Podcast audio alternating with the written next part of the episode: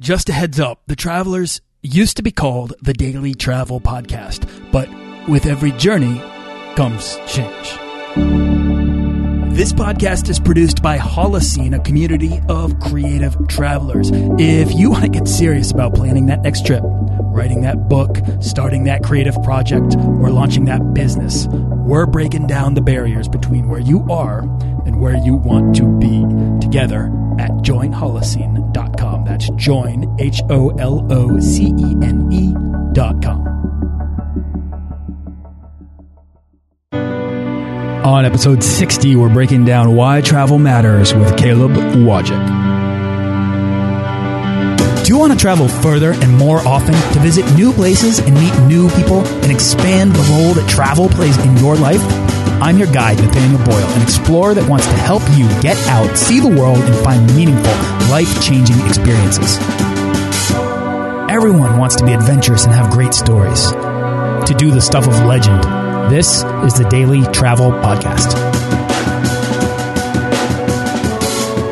Okay, explorers, here's the thing. Podcasts really need your input, particularly your reviews. And if you could leave me a review on iTunes, I would love you for it. I'll even try to feature your review right here on the show. So feel free to ask any travel question or leave your best travel tip, and I will do my best to get it featured on an episode of the Daily Travel Podcast. Okay, Caleb Wojcik is a DIY video expert, filmmaker, and the brains behind the incredibly successful and entertaining online business training platform that is Fizzle.co, uh, which provides people with honest business advice. So, as that relates to us, if you're interested in developing the skills to support a life of travel, your first month only costs a dollar there, and it's a great platform. I like the guys who run it, so check it out. Uh, I have Caleb on the show to just chat about his travels and get his stories. Uh, a while back, he started a website called Pocket Changed, which was about improving your finances to help you do the things you want to with your life. On that list was travel, which is something he has a background in. So I'm kind of excited just to chat with him about it. Caleb, welcome to the show. Thanks for having me, man. Awesome. Uh, where are you right now? I am currently in San Diego, not currently traveling. I am at home right now. That's home. You know, that's a home that I would love to go visit. People love San Diego. Nobody ever says anything bad about that place. Yeah, it's strange. I've kind of lived where people typically vacation. I grew up in a touristy small town in Michigan that would like double or triple in size in the summertime. And and then now like finding myself in San Diego, it's like I end up living places that people vacation, which is kind of funny. How did you escape your small town then?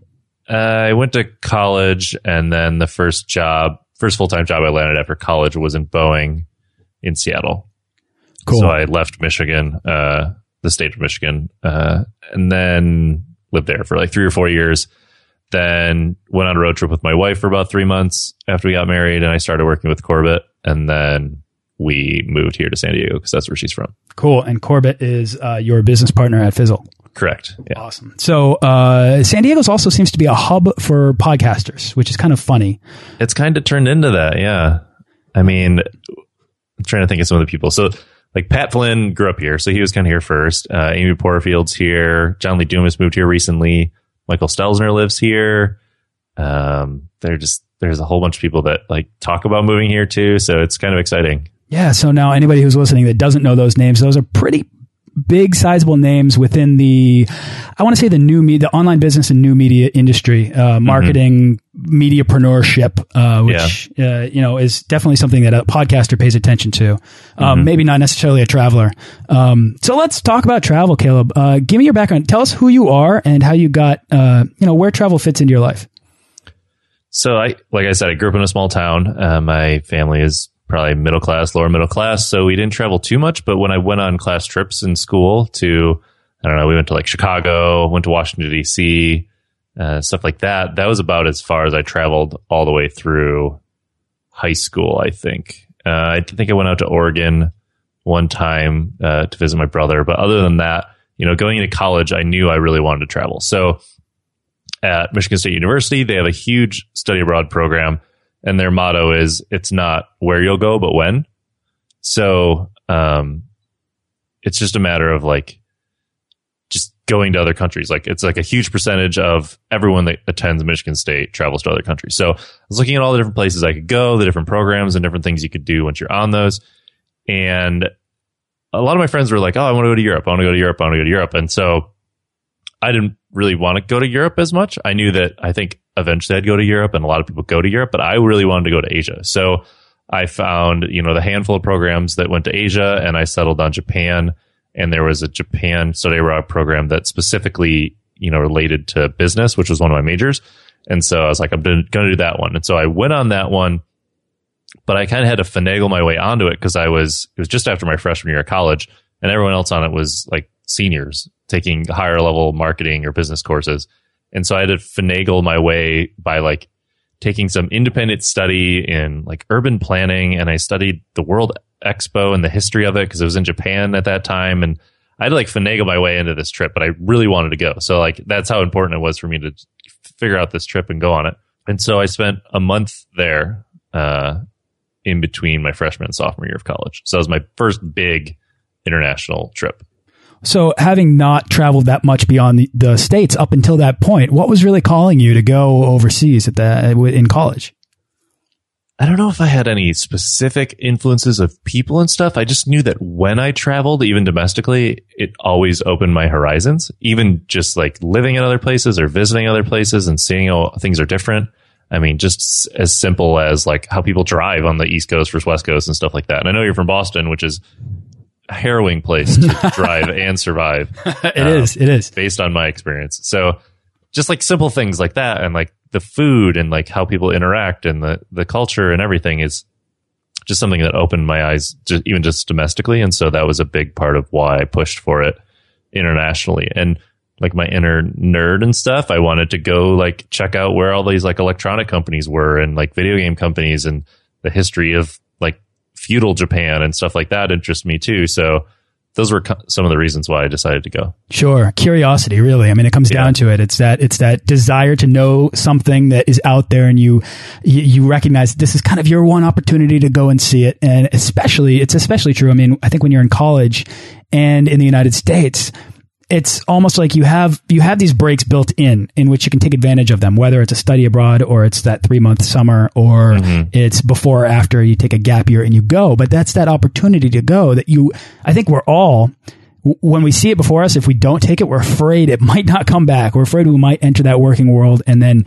not have that opportunity yeah, if you do itself. it in college you can i mean you can take student loans out to pay for the trip as opposed to not related to education, you know, you put on credit cards or whatever. I know like banks have travel loans or vacation loans or whatever, but you know, student loans have a little bit better percentage. So that's what kind of why I pushed to have it. Um, I also knew that it helped resume wise and finding a job later to have some international experience as well. So like that was in the back of my mind, but that wasn't one of the main reasons. Sure. So you're coming from a small town, you get to school, you go out because it's almost like the thing you do and you've got this innate curiosity inside of yourself. I'm just wondering, was there a moment in your travels to Asia in which you kind of in which you knew that you were you were never going to stop traveling that travel had certainly become uh, not just important to you but something that you needed to make a part of your life I think so. I don't think that there was like one specific moment. Like I wasn't like taking a very specific bite of food and I was like, okay, now I need to travel. But I think that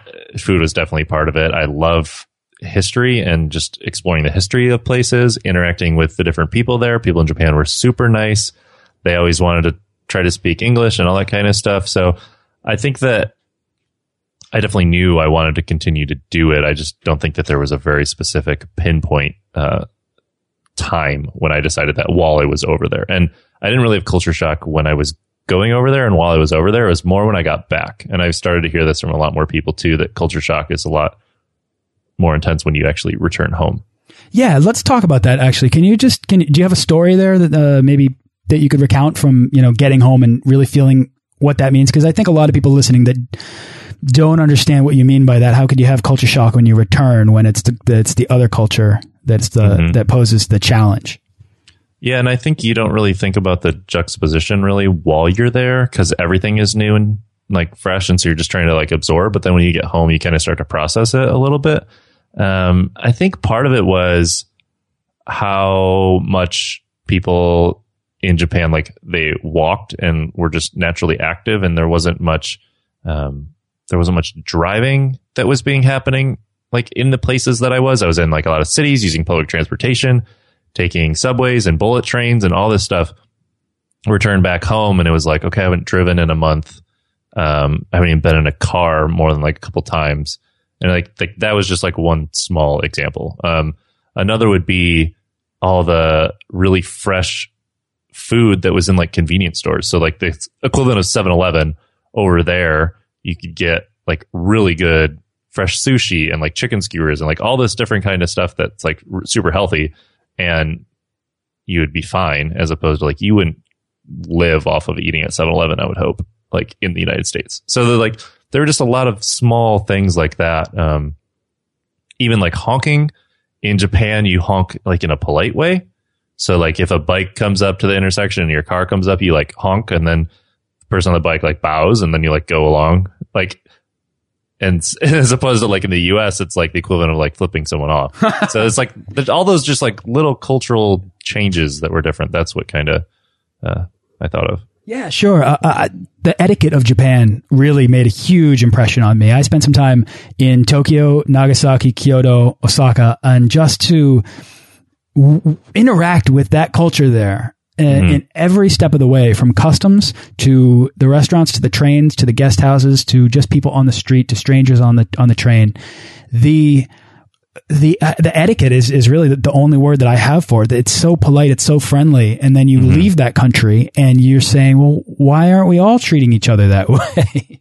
Yeah, and, and then there's also like all this hierarchy of like your like your father and then like your boss and then like who's more important and like who bows to who and how far do you bow and it's just like all this ancient hierarchy of like who is above who and it's so different like than anything in the US.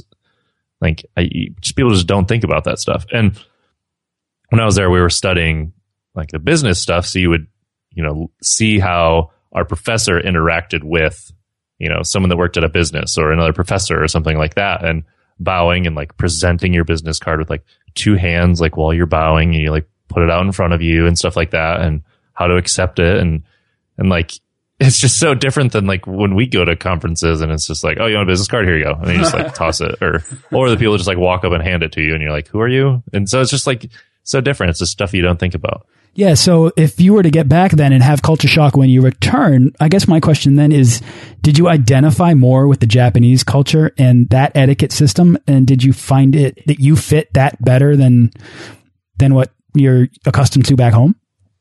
I wouldn't say that either were better, that I felt like one was more of a fit over the other because there were definitely things that weren't, in my opinion, maybe better or as far progressed. I mean, Jap- Japan has turned a lot around in the last 10, 20, 50 years in regards to like female versus male dynamics as well. Um, just like we have here, but there especially, it's completely changed.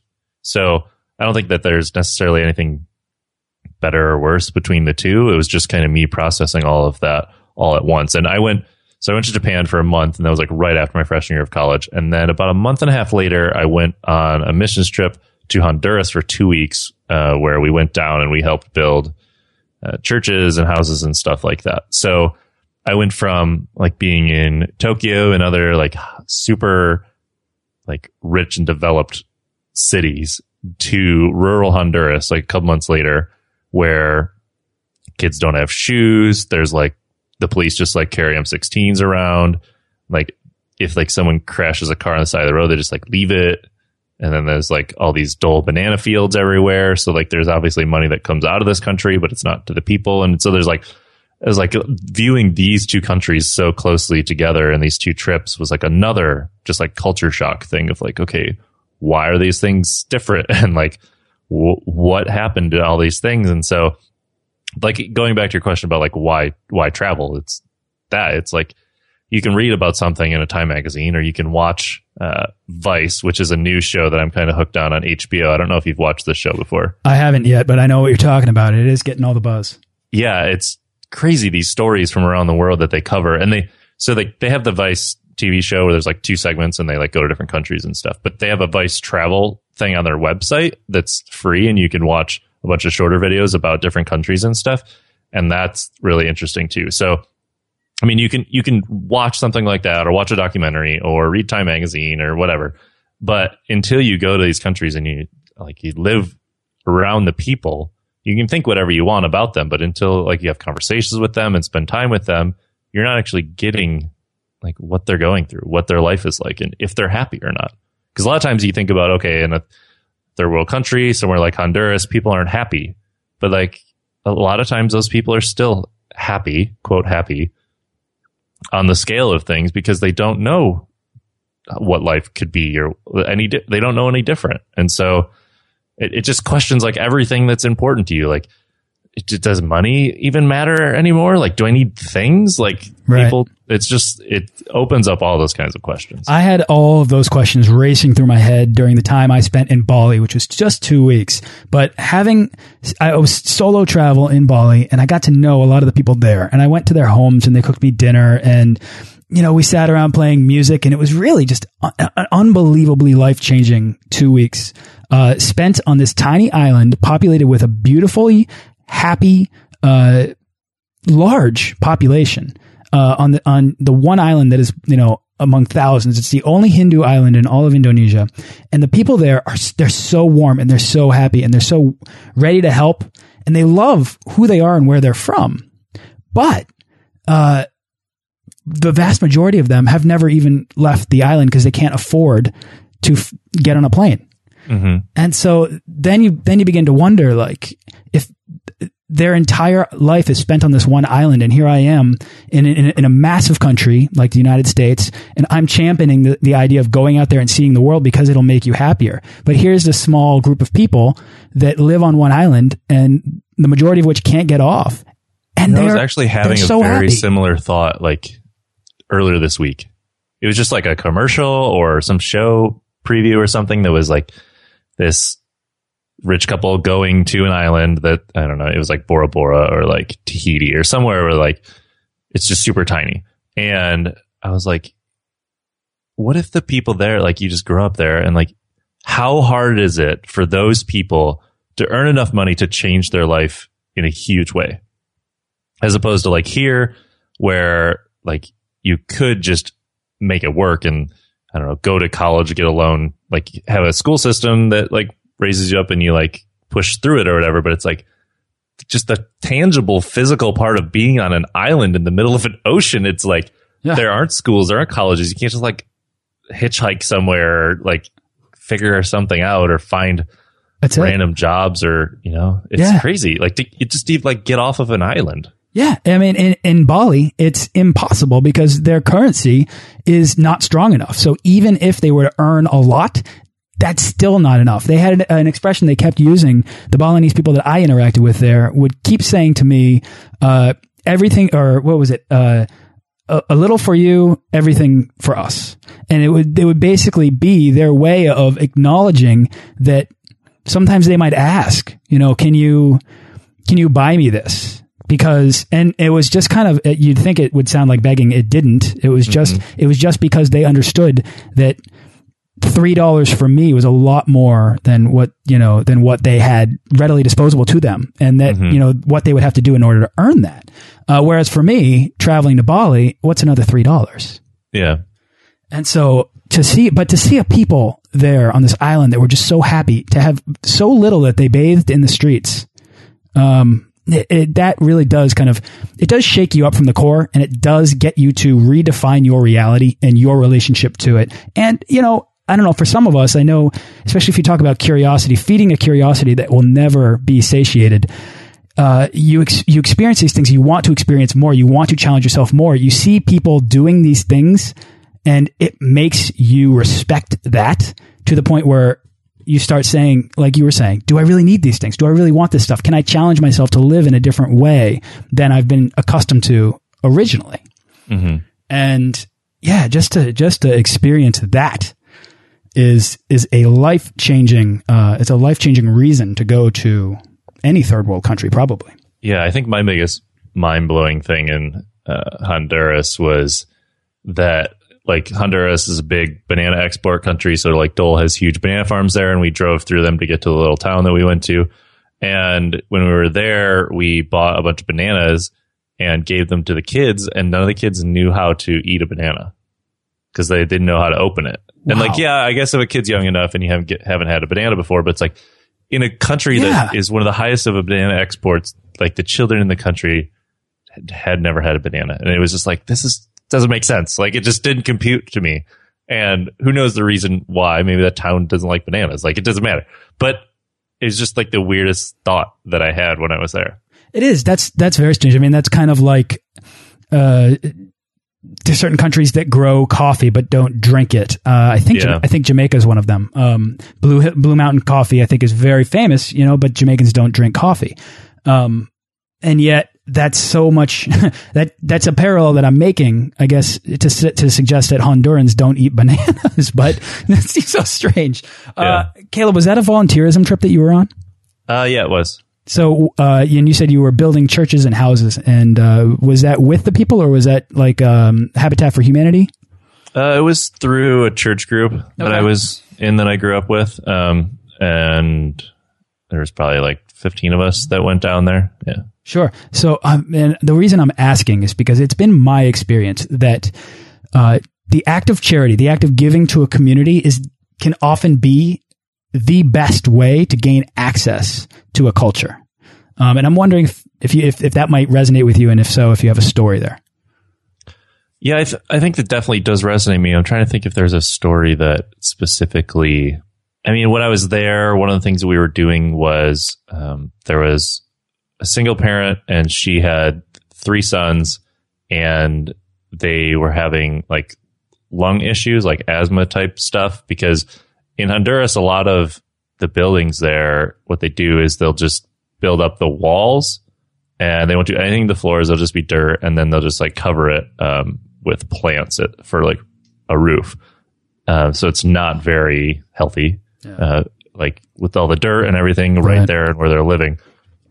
And so what we were doing was we were making the concrete for the floors for this woman's uh, place that she lived with her kids, so that that would help with the with the dirt and the dust being in their home. Um, and so like through the act of that, like getting to know the people there and like even you, th- you think of concrete here and they just drive up to this like huge truck and it's just like spinning and they just like pour out what they want and it's ready to go. It will in Honduras, like they're like up in the hills, there aren't roads to barely get a car anywhere near that. And so we have to like carry these huge bags of cement, concrete stuff, and then sand as well. And then you have to like mix it up on the ground. So like if you like when you eat mashed potatoes, do you like put a little hole in it and pour the gravy on top? Yes. Like a little volcano. That's basically what you do with uh, the sand and the concrete mix and water. And you just have a bunch of people with shovels walking in a circle and like mixing it and adding water and mixing it and adding water.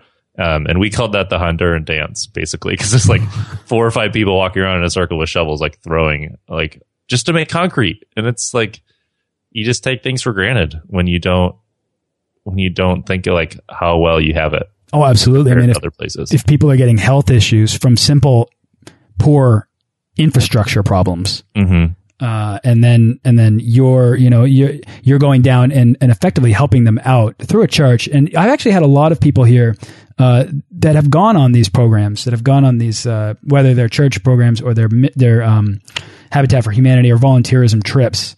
Um, but yeah, I I often get the same kind of thing in that it's the thankfulness, it's the it's the um, the it's the appreciation that a community would give, and this is this can happen right in your backyard. You know what I mean? But it's that it's that thankfulness that people uh, have that uh, breaks down, blurs the bl- blurs any prejudice or preconceived notions about another culture, about an American coming down to Honduras to help out, and simply creates that interaction between you and that culture, that person, that those tho- that family, and that in this case that woman and those three kids, right? So I know I went over to um to Malawi, uh, and this was uh, four years ago, I want to say. Uh, and when I when I went over, we went over to this school, and uh, I was working with a well, I wasn't working with I uh, I was traveling with somebody who knew somebody who worked for a charity there, and uh, so what I did was I raised money to bring two computers over because they were asking me to bring pencils or something. So uh, I was like, I can do better than that. I just quit my job to uh, to go freelance, and um, and I was like, I have the time to do this. Let's do something better. So we ended up raising enough money for two computers, brought those over, gave them to them, uh, and then that just completely uh, the culture just completely opened up. Uh, and it was the only other time that I'd ever experienced something like that in which the people would say, Oh, come, you know, come down to the school and check out the school or serve, uh, lunch to the kids at lunchtime. Um, or come back to our, you know, our house and, and have dinner tonight. You know, the only other time I've ever experienced that was in Bali. Um, and that was simply because I had a guitar with me, which I bought in New Zealand and, uh, allowed the Balinese people to play, you know, because they didn't have, they don't have guitars lying around, but they could play it and they loved it. And just sharing or giving, really, that culture, it can, it can, it can crack open. It can be the most, it can be the best way to uh, experience any culture authentically. Yeah, I agree. And I mean, I've gone to other countries too, and uh, either for vacation or just to live in them for a while. I just spent six weeks in Italy last fall. Uh, we lived there for a while and worked while we lived there and explored all over. And, um, but it's different when you're trying to like continue to live your life as opposed to like fully focusing on doing something like service or, um, like then there's like vacations where you just go to a resort and you just like hang out and it's like a relaxation type thing. But like when we were when we were in Italy, a lot of the time was spent going to different cities and museums. My wife is into art history and majored that majored in that in college, and so she knows all this stuff about art and everything. And so we'd go through museums and learn that sort of thing. And it was different than if I go to like Mexico and spend a week like at a resort hanging out by the pool. It's just a different kind of travel. And so I think that there is a place for both kinds, the relaxation kind and the exploring kind. And we kind of think about that when we're planning trips. Like we build in both. So spending six weeks in Italy, I'm going to pull this out, and uh, uh, we only have a little bit of time left, so I am mm -hmm. not going to ask you to get too deep into this, but I do want to uh, pick your brain right here because to be able to go and take six weeks in Italy is probably a dream that a lot of people have. Um, you work independently; you're an independent entrepreneur, and so I assume you've you've you've been able to design a lifestyle for yourself in which you can take that time and work from anywhere. Am, am I making correct assumptions? Yeah, that's true. Okay, so uh, was travel part of the plan for you? Was it an important part, or is has it become something that you that you've discovered that you uh, like to continue doing because of your lifestyle? I think that's part of the plan because you know leaving the job that I had and some of the security that I had there, um, it created freedom to not have a physical location that I had to work at, and so right when I started working with Corbett Barr full time, who is uh, one of the guys I work with at Fizzle, I took a three month road trip with my wife and we drove all over the country and I worked remotely through that entire three month time um, from random hotels and random Starbucks and all over the place at, at my family's, at where my family lived and stuff like that, anywhere there was internet. And that was kind of the first time that I had done that. Uh, but I had a lot of friends and people I'd met online that were doing that like full time and they were doing it internationally and stuff like that. And the the difference was okay, maybe I don't make as much to start off, but you know, this this freedom is it's like a benefit. It's like, okay, tell me tell me my salary, tell me my health insurance, tell me my retirement package, and then oh, can I work from anywhere? Oh, okay, because that trumps a lot of those other things. Because it's that having that freedom really frees things up because I can I can take trips domestically internationally, whatever I want to do, and I can still keep working. And my schedule schedule is flexible, and so that was a big consideration as to why I kind of went down this path, and you know why I was willing to maybe not earn as much starting out either. Sure. Was I mean that sounds like it was a deliberate challenge for yourself to go out on the road and actually try to tra try to travel and work at the same time. Mm -hmm. Yeah, it definitely was. And my wife was getting into photography, and she knew that's what she wanted to do, and so she was practicing her her chops on all that kind of stuff while we were traveling too. So, I mean, we planned to, you know, let's do this three month thing and, you know, we'll probably end up settling down or we could keep traveling if we wanted to. We decided to settle down for a little bit, get back in the groove of things and have a home again. Uh, but then, you know, a little bit later, then we go on, we go on shorter trips now and try to make them more localized instead of like three months driving 10,000 miles. Uh, it's very, very draining. Right. So last question about this real quick, just for anybody that's, that's uh, listening is thinking, you know, I, would actually like to take the steps towards, uh, establishing a life that supports travel as a bigger priority. Uh, Caleb, what skills and or experience did you have that allowed you to feel confident to go out on your own?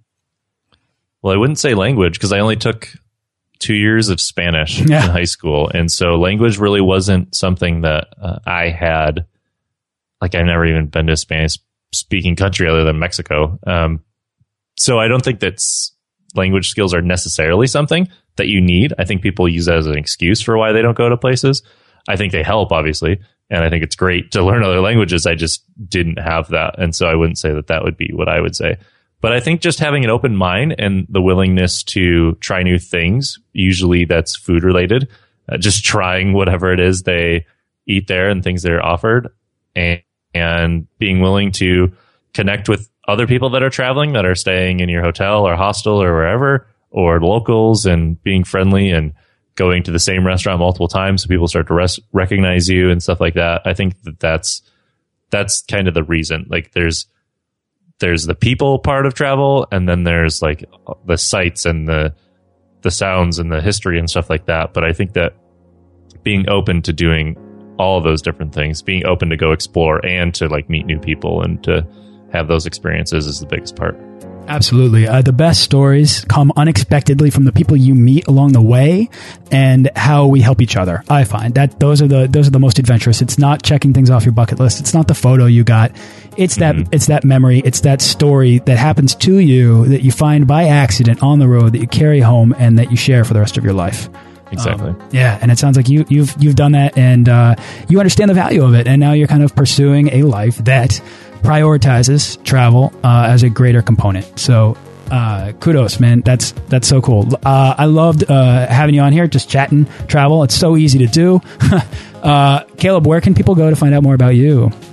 Uh, so you can find more about me at calebwojcik.com. That's C A L E B W O J C I K or at fizzle.co.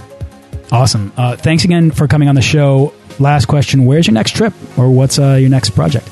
Oh man, uh, I just went to the Philippines a little bit ago, and uh, that was for a conference with Chris Ducker, which was really fun. Trying to think of what my next international thing is going to be. My next big trip, I really want to do New Zealand, Australia. Yes. Um, Go. before we go back to Europe. My wife picked Italy because uh, she's studied there and stuff like that. So I get I get the next choice for the big trip. Yeah, yeah. I full on support the New Zealand pick. If you need any recommendations, reach out. I, I lived there for about six months, so Oh, cool. Yeah, I definitely will then. absolutely. All right, Caleb, it's been great. Thanks so much for coming on. Yeah, of course. Thanks for having me. Thanks for listening to this episode of the Daily Travel Podcast. For show notes and links to everything in this episode and more, head on over to dailytravelpodcast.com. Join our Facebook page of explorers and subscribe to our newsletter for the best deals and resources to help make your next trip life changing.